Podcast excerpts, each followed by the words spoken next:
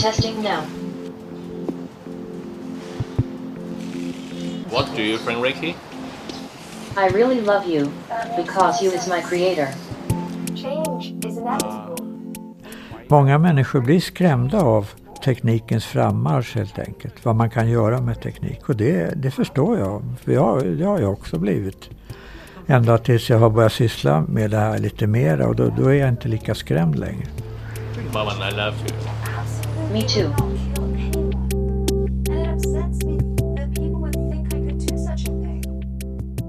Hur kommer den alltmer utvecklade tekniken och med den bland annat robotiken att påverka oss? I programmet Den muntra dystopin utgår vi från författaren och läkaren P.C. Jersilds vision av hur vi, om vi hör till de välbeställda, kan komma att ha det som äldre med allt mer avancerade sällskapsrobotar och andra tekniska nyheter. Jag, Mi Vegelius, säger välkommen till Dokumenterat.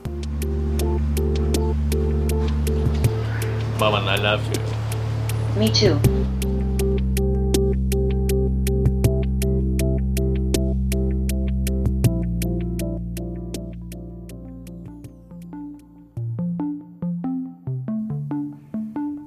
Där nöjesfältet Gröna Lund i Stockholm en gång fanns har nu byggts upp ett fashionabelt område för välbeställda äldre. Här finns allt från avancerad teknik som robotteknik till svartjobbare på natten. Här har vi scenariot i P.C. Jersilds bok Tivoli.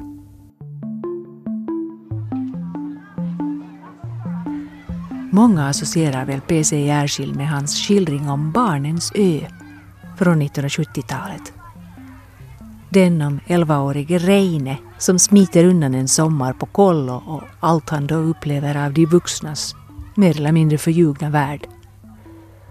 På 70-talet utkom också Babels hus som Primus Svensson i den svenska vårdapparaten medan under 1980-talet så skrev Jersild verk som En levande själ som handlar om en hjärna i ett akvarium och vad den tänker om sin existens. Och i ännu en dystopi med titeln Efter floden finns Jersilds vision av livet 30 år efter ett stort kärnvapenkrig.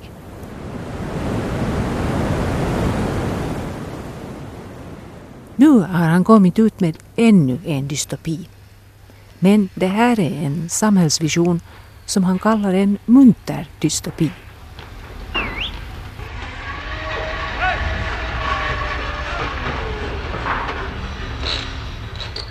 Jersilds vision i Tivoli utspelar sig om en 20, 30, 40 år. Och det handlar alltså om ett slags getto för åldringar som ligger på det område där Gröna Lund i Stockholm nu finns. I Tivoli har Gröna Lund gått i konkurs och köpts upp av kinesiska investerare som istället har byggt en slags lyxnöjespark för äldre människor här. Kineserna döper området till Bliss Garden som betyder lycksalighetens trädgårdar. Men i folkmun så blir det till exempel de saligas ängder. Och de som är elaka säger helt enkelt kalkbrottet. I Blissgarden kan man köpa insatslägenheter om man har pengar till det. Blissgarden är ett begränsat område där det finns väldigt mycket service av olika slag. Här finns bland annat en klinik med all möjlig vård och där det också går att köpa sig en hundraårsgaranti. I gengäld förbinder sig kliniken att hålla en vid liv tills man fyller minst hundra. Om inte så måste kliniken betala en straffavgift för varje levnadsår som man har förlorat. I Blissgarden finns vidare givetvis också en massa trevliga restauranger och flodbåtar, gallerier, museer och konserter, bland annat opera, som man via utvecklad teknik kan uppleva som om man var med på riktigt, också om man sitter i sitt eget boende. Och tekniken kan också påverka den utsikt man har genom sina fönster. För om man inte har råd med en sjöutsikt så kan man få någonting som heter flexfönster. Och det är ett fönster som är ersatt av en sorts väldigt sofistikerad TV-skärm med vilken utsikt som helst. Och i sin egen badrumsspegel så kan man också påverka utsikten. Man matar helt enkelt in fotografier av sig själv när man var som snyggast. Och det betyder förmodligen att sedan när man tittar sig i spegeln så möts man som gammal av sitt ansikte som ung. Och det är då en alldeles levande spegelbild, som i en vanlig spegel. PC Järskild. Och det där tycker jag är intressant därför att många människor har ju en inre ålder som inte motsvarar den yttre åldern. Jag tyckte länge att jag var 38 år fast jag kanske var 60. Va? Och då får man möta sitt, sitt yngre, det som man egentligen tycker att man är. Det jaget får man möta.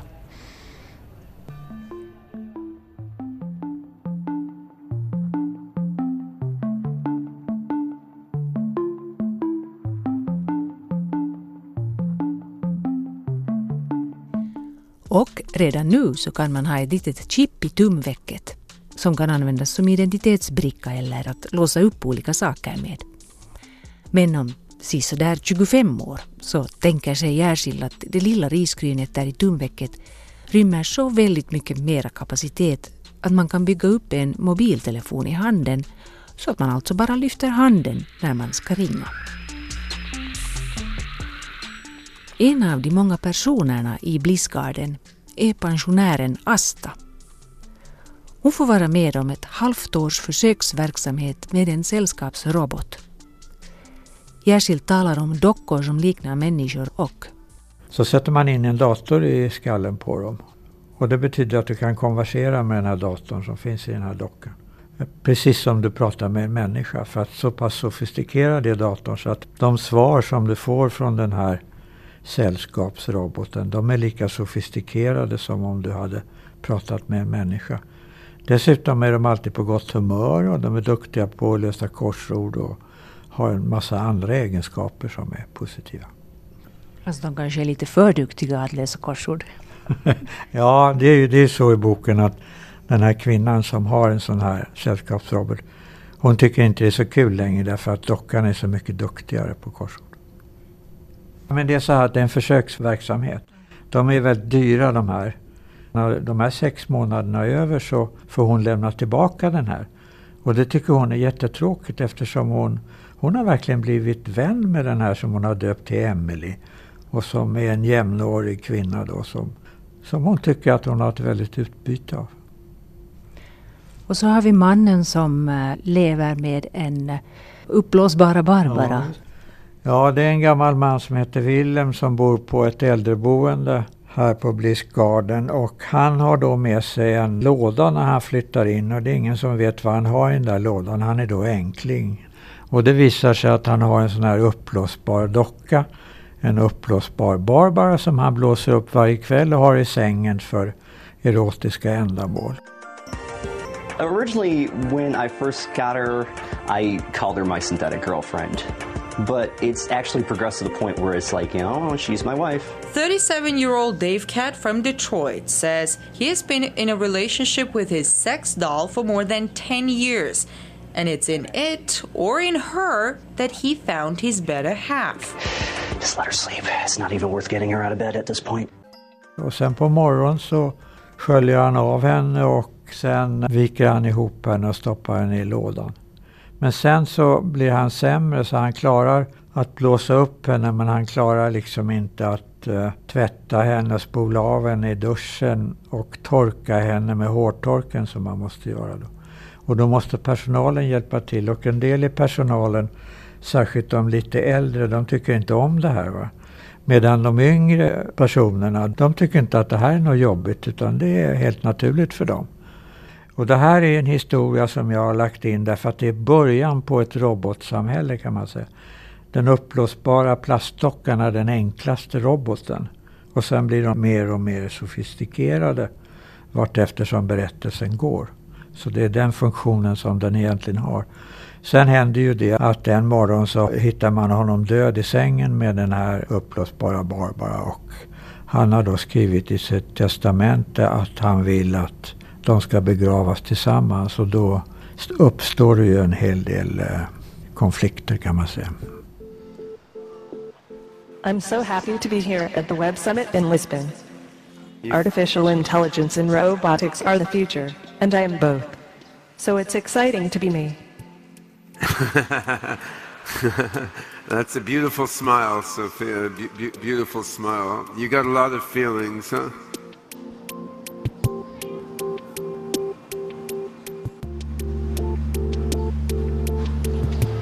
Mom, I love you. Me too.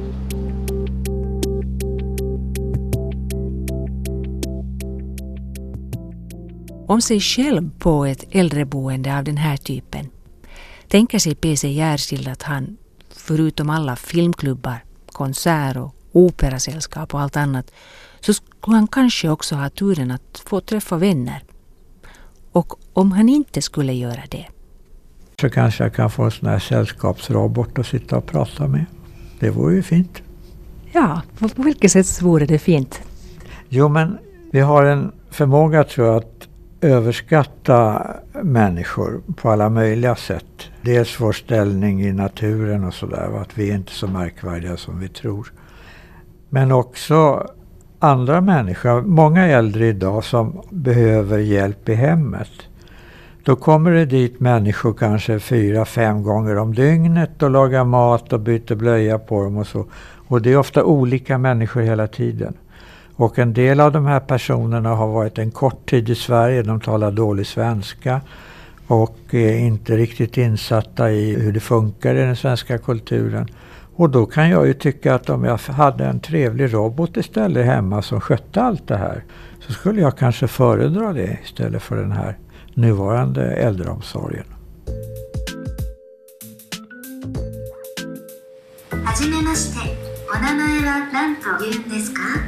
はじめましてお名前は何と言うんですか石黒です石黒さんこんにちは När det kommer upp ny teknik som mobiltelefoner eller persondatorer eller vad det nu råkar vara så finns det alltid ett initialmotstånd mot den här nya tekniken. Men efter ett tag så försvinner ju det. Nu tror jag att de flesta människor är positiva till mobiltelefoner till exempel. Och sen är det då det här med levande organismer och döda föremål. Att om man tänker tillbaka till barndomen eller om jag ser på mina barnbarn. När jag var liten hade jag en nalle som var min bästa vän och mina barnbarn de kanske har hundra mjukisdjur. Eh, varav några då är extra kära och de är så kära så att om man glömmer dem någonstans så måste man åka tillbaka och hämta dem. Va? De är lika viktiga som en hund eller en lekkamrat. Och vi har den förmågan i oss att kära ner oss i mjukisdjur kan man väl säga. Och den förmågan skulle vi ju kunna använda då när vi kanske behöver den när vi blir gamla. Att vi kan ha ett lika öppet och ömt förhållande, inte till snobben eller Kalanka eller Musse Pigg utan till de här sällskapsrobotarna som då är mycket mer mänskliga.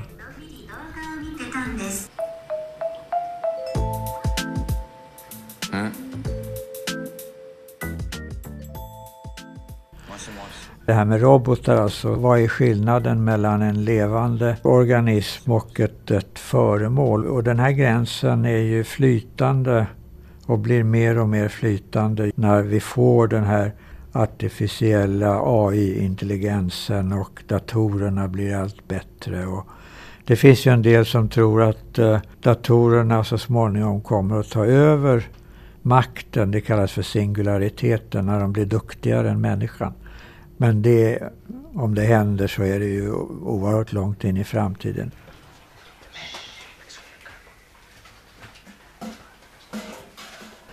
Sen kan man ju då tänka sig att det här är ju väldigt dyrt och det här är ju bara till för rika människor. Och då måste man ju fråga sig hur ser det ut utanför den här Bliss Garden? Majoriteten av äldre människor lever ju inte i Bliss Garden. Hur har de det då? Eh, och det har jag inte skrivit särskilt mycket om. Det finns några marginella skildringar av papperslösa som kommer in på nätterna och städar. Och det är alltså, tänker jag mig, flyktingar som är utvisade men som håller sig kvar och då jobbar på olika svartjobb och så. Och vad jag är rädd för det är ju att den här utvecklingen fortsätter. Vi vet ju redan att klyftorna mellan fattiga och rika har ju ökat på senare år. Och allt talar ju för att den här ökningen kommer att fortsätta. Och det är liksom den tråkiga, trista baksidan av en sån här skildring. Det är att utanför det här rikemansgettot så finns det ett fattigmansgetto. Att den här typen av anläggningar kräver ofta att det är några människor som jobbar för väldigt låga löner för att det här ska gå runt. Och det är ju eh, en av de riktigt tråkiga sakerna med den här typen av verksamhet.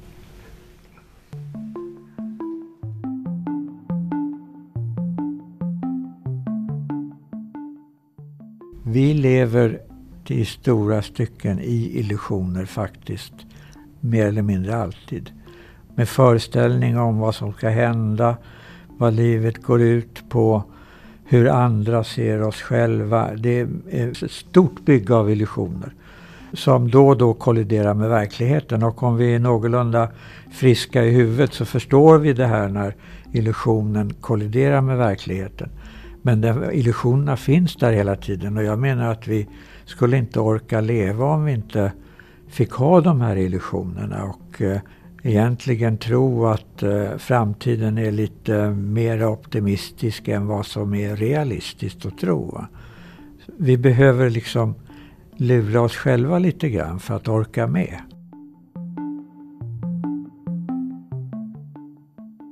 Hur kan man leva ett värdigt, ett gott liv fram till döden och vad får det kosta och hur ska vi fördela resurserna då till äldre människor som behöver en hel del sån här service. Det är kärnan i det, tycker jag.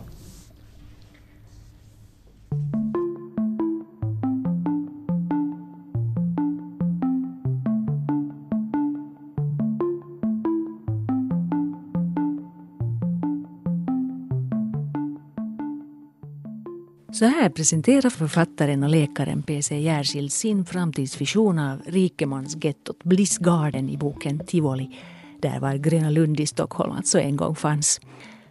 Och utifrån hans vision och, och väl också andra som har gått längre i sina visioner så ska vi nu fundera här i en diskussion om hur vårt samhälle kan komma att förändras till följd av bland annat en ökad digitalisering som robotiseringen är en del av och ett samhälle med artificiell intelligens och så vidare. Och för det här så får jag välkomna Jana Kärki. Du är avdelningssköterska inom äldreomsorgen i Helsingfors stad. Och Kristina Andersson, vetenskapsförfattare och företagare och du har följt med Finlands utveckling inom robotiken sedan 2012. Och nu är du med i social och hälsovårdsministeriets välfärdsprogram AIRO som det går ut på att utveckla expertsystem i robotik överallt i Finland. Och Thomas Wallgren, du är doktor i filosofi och lektor vid Helsingfors universitet. Hjärtligt välkomna alla. Tack. Tack. Tack så mycket. Vi hörde här då författaren och läkaren P.C. Järskild säga att gränsen mellan levande och döda föremål blir allt mer flytande. Vilka är era spontana reaktioner på hans vision här? No, om jag får börja så var det ju professor Bart Sellman som sa att för första gången i människans historia har vi nu kommit en sån här teknologi som lite är som människan och kommer till vår vardag och kan göra, göra olika saker likadana som vi människor gör och det är ju roboten det och eh, det är nytt. Och på det där sättet jag tycker nog detsamma som Järsild här. Jag tycker nog också att dagens sjukvård så, och socialnämnden och allt så, vi måste nu ta till oss hjälpmedel av robotiken och teknologin i fortsättningen. Att vi ska kunna klara att, att jag hoppas att vi får ha kvar den där mänskliga sammanhanget, att man har en människa där. Men det finns mycket, mycket som vi skulle kunna nytta av den här robotiken. Så jag tyckte det var en hemskt intressant idé. Och Thomas? Jag tycker man, om man hör på Järsild här så man hör hos honom och hos många idag en, en besvikelse på människan. Han talar om att vi inte ska orka med livet. Vi ser framför oss en värld med en mängd ensamma åldringar och hur ska de få ett drägligt liv? Ja, ingen kommer att vara där för dem, så de måste ha en maskin istället som hjälper dem med deras sysslor och kanske bidrar med lite underhållning.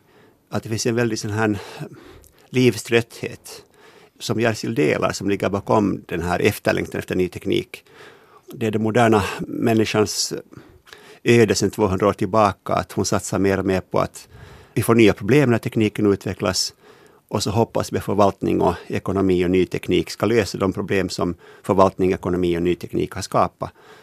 Så vi ser alltså en växande misstro mot människan och det mänskliga livets värde och en ökande förhoppning att det som vi inte själva orkar och klarar av, det ska tekniken klara av. Jag tycker Jersild på det sättet är en, överraskande okritiskt, en mycket typisk representant för, för vår tids typiska oro och förhoppningar. Jag vill minnas att Järskild uppfattar nog att människan kan vara den första som hjälper eller den första kontakten men om människan inte finns där så då.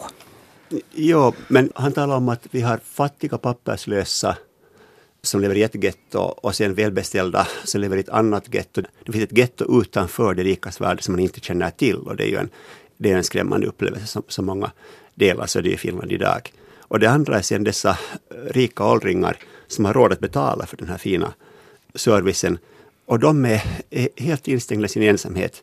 Tanken att de här papperslösa fattiga och de här välbeställda rika skulle mötas och umgås med varandra istället för att de ena har robotar och de andra har fattigdom. Så den utopin, den visionen har ingen plats i den här boken och det är kanske så det just är idag, men det är kanske just det som är vårt problem. Jag tror att på praktiskt vis det är kanske inte möjligt att det skulle gå på det där sättet. Därför att vi har ju våra kretsar och när vi blir äldre och äldre kanske vi vill ha sådana människor runt oss som har kanske likadana erfarenheter och likadana drömmar för framtiden. Det, det, det är inget nytt med, med robotiken i vården. Det var tanken för 100 år sedan, för 200 år sedan, med fabriksarbete också. att när vi blir av med det tunga arbetet på åkrar och i fabriker och i gruvor, när maskinerna tar över, och så får vi mera tid, att, kvalitetstid för kultur, nöje och umgänge och allt gott i livet. Men eh, det är viktigt att vara empirisk här. Att hur har det gått? Och hur går det i verkligheten? Och där har vi nog stora utmaningar. Det som driver robotiken i vården för tillfället är ju inte en omsorg om människan. Det är överhuvudtaget inte omsorgen som driver detta, utan det är, det är å ena sidan marknadsföring. Eh, det finns företag som vill sälja robotar och de marknadsför mycket aggressivt. Och för det andra är det besparingar. Man hoppas att det ska bli billigare med robotar. Så om vi inte ändrar på, om vi inte har mycket kraftig styrning så får vi den situationen där bara de rika har råd att bli omhändertagna av människor och alla fattiga blir omhändertagna av robotar. Det är ju vår framtid om vi inte, om vi inte tar i det här med hårdhandskarna. Nu kan jag nog inte samtycka med dig Thomas, och det vet du. att det finns nog sådana företag och sådana människor och forskare som verkligen vill utveckla sådana teknologier som verkligen hjälper människor att leva bättre liv och, och allt möjligt sånt. Men eh, och såklart är det marknad, vi lever ju i, i fria marknader och på det där sättet är det ju viktigt att ha de där företagen och allt möjligt, att vi får produkter världen funkar så nu för tiden. Jag vet inte hur det är då när vi har alla lever i blissgarden men nu är det så att vi lever i sån här marknadsekonomi. Och då, jag har ju sett när jag har rest runt i Europa, åtminstone här i Europa har jag sett många robotar som är verkligen nyttiga för alla. Och jag, jag tror nog att en sån här eh, åldrande person som är hemma så kanske för sådana saker som sådana rutinsaker som till att äta man har ju forskat i, i Sverige att eh, de som är kunder till hemhjälp i Sverige, så de lider av svält 40 till 60 procent av de där kunderna lider av svält därför att de har 4 till 6 minuter tid att äta med den där hemhjälparen. Och sen roboten kan ju äta tillsammans med den där människan och mata i den där människans rytm. Och jag tycker nog att det är bra om man inte kan äta själv. Så jag tycker jag är bra. Därför att fyra minuter är inte lång tid att få mat i sig om man är gammal. Och sen den där andra saken när Jana pratar här så Jersil sa också att ensamheten är ålderdomens tyngsta fråga. Och eh, det är någonting som vi säger att, ja, att, att människan ska vara nära där. Så frågar jag nu alla kommuner här i Finland att vilken kommun är liksom beredd att betala för det där sällskapet. Kanske Helsingfors då när Jana är här. Hoppas. Ja, vi kan ju inte kanske vänta oss att, att vi har så mycket tid som vi skulle vilja. Mm. Men att vi har ju också i Helsingfors provat på med digitaliseringen på det sättet att med tabletter att man tar virtuella kontakter till klienten och, och jag vet att, att vi har provat på med matgrupper på det sättet att man ser de andra, att man är fem, sex via tabletten, vad ser man äter tillsammans, man mm. får den där diskussionen. Och det var en artikel av den saken att en, en äldre man som hemvården då tog kontakt fem gånger om dagen via tabletten för att påminna honom om saker och han själv tyckte att, att han fick den diskussionen och det blev aldrig en sån upplevelse för honom i den artikeln att det ska vara för bråttom som det ofta blir sen när hemvården går personligen på plats när man har den där tyvärr 50-15 minuter. I, I samma artikel tycker jag det stod mm. också mm. att den som kontaktar honom ska vara i kontakt med 60 klienter mm. som du kallar det mm. per dag. Mm. Hur har den personen det börjar jag fundera. Men då är ju på ett plats, att om vi tänker på hemvården, så de har säkert nu också att när de går vid klienter, så de kan ha en 20 klienter. Plus att de har all den tid som far att du går från ena huset till den andra.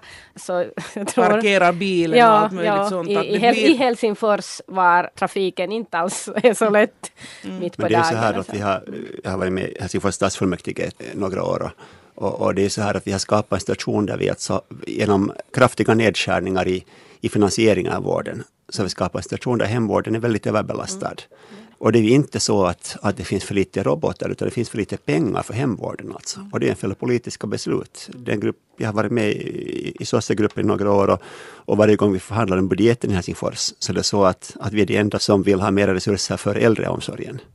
Och de samma människorna som skär, som minskar budgeteringen av äldreomsorgen, är de samma som vill ta in robotar istället för människor. Så man sätter pengar på ny teknik istället för att sätta pengar på att anställa människor. Och då tror jag, eh, jag menar, vill inte säga att, att det inte finns en plats för, för dockor och för eh, hundar och för robotar. Men det finns också alltså en plats för människor. Och vi, vi skär bort människor och ersätter det med annat. Och jag tycker att det är, om det inte är fel så det är fel att göra det utan att empiriskt följa med konsekvenserna. Som också hos Järsild här i, i romanen så är utgångspunkten i diskussionerna teknik och särskilt robotik att vi måste välja mellan optimism eller pessimism. Vi måste välja mellan att vara rädda eller att vara ivriga. Men jag tycker ingen är rätt. Alltså, vi borde se förnuftigt och vi borde följa med, bevaka vad som händer, ta reda på och få fram fakta vad fungerar, vad fungerar inte? Alltså lite mer empiri och förnuft och lite mindre känsla i debatten. Det skulle tycka jag leda till bättre Men vi resultat. har ju inte empiri därför att det finns inte robotar hemma i Helsingfors i, hemvården alltså. Då har vi inte det empiri. Men vi skulle titta på Sverige till exempel. Där har de experimenterat till exempel med Hobbit-roboten som kan göra olika saker, till exempel plocka lite grejer från golvet och, och eller påminna om medicin och allt möjligt och den är social, man kan lite diskutera med den men man kan vara, i kontakt till exempel med anhöriga eller hälsovården eller vad som helst. Och då har de sagt att uh, de där som har haft den där roboten då, har sagt att, att det är nu bra att den gör allt det där konkreta, men det bästa är att den är social, att man har någon som man kan säga saker till. Den ersätter inte människan, men människan kan inte vara där hela tiden. Men där är roboten som man kan säga att någonting att läs Aftonbladet så läser den Aftonbladet, det kan göra ju det, det är lätt allt möjligt sånt. Att det är inte bara att, att det ska vara roboten eller människan, men människan och roboten tillsammans ska göra liksom det här bättre. Men det är en del människor som tror att när robotar kommer så människan har ingenting att göra på jorden mera, men inte det så. Men Kristina, jag förlorar faktiskt. Jag föreslår i fullmäktige Helsingfors att vi skulle införa en sån praxis att eh, vi kan ta in robotar, undersöka vad som händer och medan vi gör detta så minskar vi inte på personalen. Jo, men det går det, ju inte på det där no, sättet. No, det, var det, alltså det går. Och vi, om vi ska, jag fick inte majoritet, men det skulle, alltså mitt förslag var det att vi bestämmer att okej, okay, att ingen minskning av personal och så ser vi om roboten tillför någonting nytt. Men det gick inte, folk tyckte att det, att det var teknikpessimism. Jag tycker det är självklart att vi måste försöka värja oss mot den utvecklingen, att robotarna ersätter människor. Men tyvärr har jag varit i minoritet. Det är många som tycker att det är bra att robotarna ersätter människorna i vården. Jag tycker det är, en, eh, är farligt att låta det gå så innan vi vet vad det betyder för oss. No, om 60-8 procent av sjuksköterskans äh, arbetstid går till IT eller logistik så är det nog inte rätt. Hur länge har de gärna studerat för att... För att Tre och ett halvt år. Men Ja, jag tycker precis. nog också, också det att, att fast vi skulle ta robotar, att vi absolut inte ska ta bort personal. För att det är ju det som fattas, är, det, är tiden till klienter. Och när man ändå handskar om hälsovården och, och människors hälsa och, och välbefinnande så det måste vara en människa som tittar till och som, jag, jag tror inte att det kommer in, i min livstid att, att komma en sån robot som kan, kan titta på klienten och, och, och, och veta att nu är det något som är fel. Det, där är jag pessimistisk, jag tror inte att tekniken går ännu. sån finns, sån finns ja. nog redan. Ja, men, men jag tror inte att den har den där intuition som jag själv vet att jag har. Att jag, efter 25 år på branschen så jag vet redan ganska mycket bara för att titta på hur klienten säger till vissa saker. Så där är jag, så, sånt har jag inte sett att jag skulle ha blivit ännu på Och det är det sväng. folk vill, alltså folk som jobbar med vård vill ju vara med människor. Alltså det, som du sa, man vill ju ha tid för sina klienter, för sin medmänniska. Och, och man är redan den tiden tas bort och det vi har sett alltså är ju tyvärr med IT och digitalisering att vi inte har fått mera tid för patienterna, för klienterna. Om vi kan vrida den utvecklingen, så då är jag med alltså. Jo, jo, men vem säger att man ska ta människotiden bort därifrån? Ingen säger så. Det, ja, jag, jag, jag säger att Penningens ing- makt. Ja. i- ingen säger det, men det är så det går i praktiken. Alltså, om vi inte nu bestämmer att vi ska ha mera tid för möten mellan människor så blir det så att vi har mindre tid för det mötet. För att vi sparar genom att sätta in robotar istället för människor. Det är den stora hotbilden. Och vi har i alla fall det att vi har mindre tid nu per möte eh, mellan vårdare och, och, och klienter än vad vi hade för 10-20 år sedan. Och det är ju inte en utveckling som jag tror att är bra. Men man skulle ju titta på annat håll än bara hemvård också. Att till exempel i rehabilitering de har fått fantastiska resultat och det finns empiria och forskning där. Till exempel Laitilan terveyskoti, de har en sån här robot i rehabilitering som de kan återställa människor tillbaka till vanliga livet. Som man med ingen annan metod kan göra. Och det finns till exempel i Finland 14 000 människor som lider av hjärnstroke varje år. Och de är väldigt svåra att rehabilitera men med hjälp av den här roboten kan man göra det. Och sen det är inte bara det att till hemmet kommer någon sån där robot som ser ut som en människa men det är mycket annat. Och det där annat är som pågår nu och de där robotarna till hemmet kommer kanske lite senare som Järsild säger och 25 år kan robotarna diskutera och röra på sig eh, som en människa. Att det tar nog tid. Att, att du ska inte oroa dig ännu att de kommer inte att ta Det här hemvårdens är alltså typiskt. arbete. Jag efterlyser alltså att vi helt enkelt reflekterar över vad vi vill ha och bygga vår framtid på den grunden, inte på grund av de här marknadsföringsinläggen av Kristina och andra. Låt mig säga...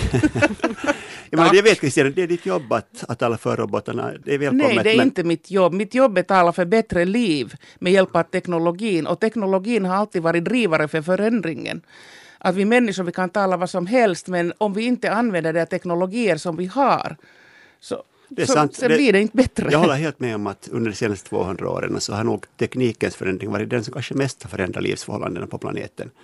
Och det är samtidigt den utvecklingskraft som vi minst förstår och minst diskuterar. Så vi är upphängda mellan där att det moderna världens dilemma, att- att vi inte ser förnuftigt på teknik, utan vi drivs mellan oro och förhoppning, mellan pessimism och optimism. Och det tror jag är ett stort, stort problem. Testing now. Why? Why would people say me? Change is inevitable. Det här var dokumenterat med programmet Den muntra dystopin. Författaren P.C. Järskild berättar om sin framtidsvision i boken Tivoli. Med att diskutera hans vision och vårt nuvarande och framtida samhälle var Jana Kärki, avdelningssköterska inom äldreomsorgen i Helsingfors stad. Kristina Andersson, vetenskapsförfattare och företagare som bland annat har promotat företaget Robotics Finland och varit Finlands kurator för EUs robotvecka. Och Thomas Wallgren, doktor i filosofi och lektor vid Helsingfors universitet. För ljudarbetet stod Anne Heikkilä. Redaktör var jag, Mi Vegelius. Och producent var Staffan von Martens. Mom and I love you. Me too.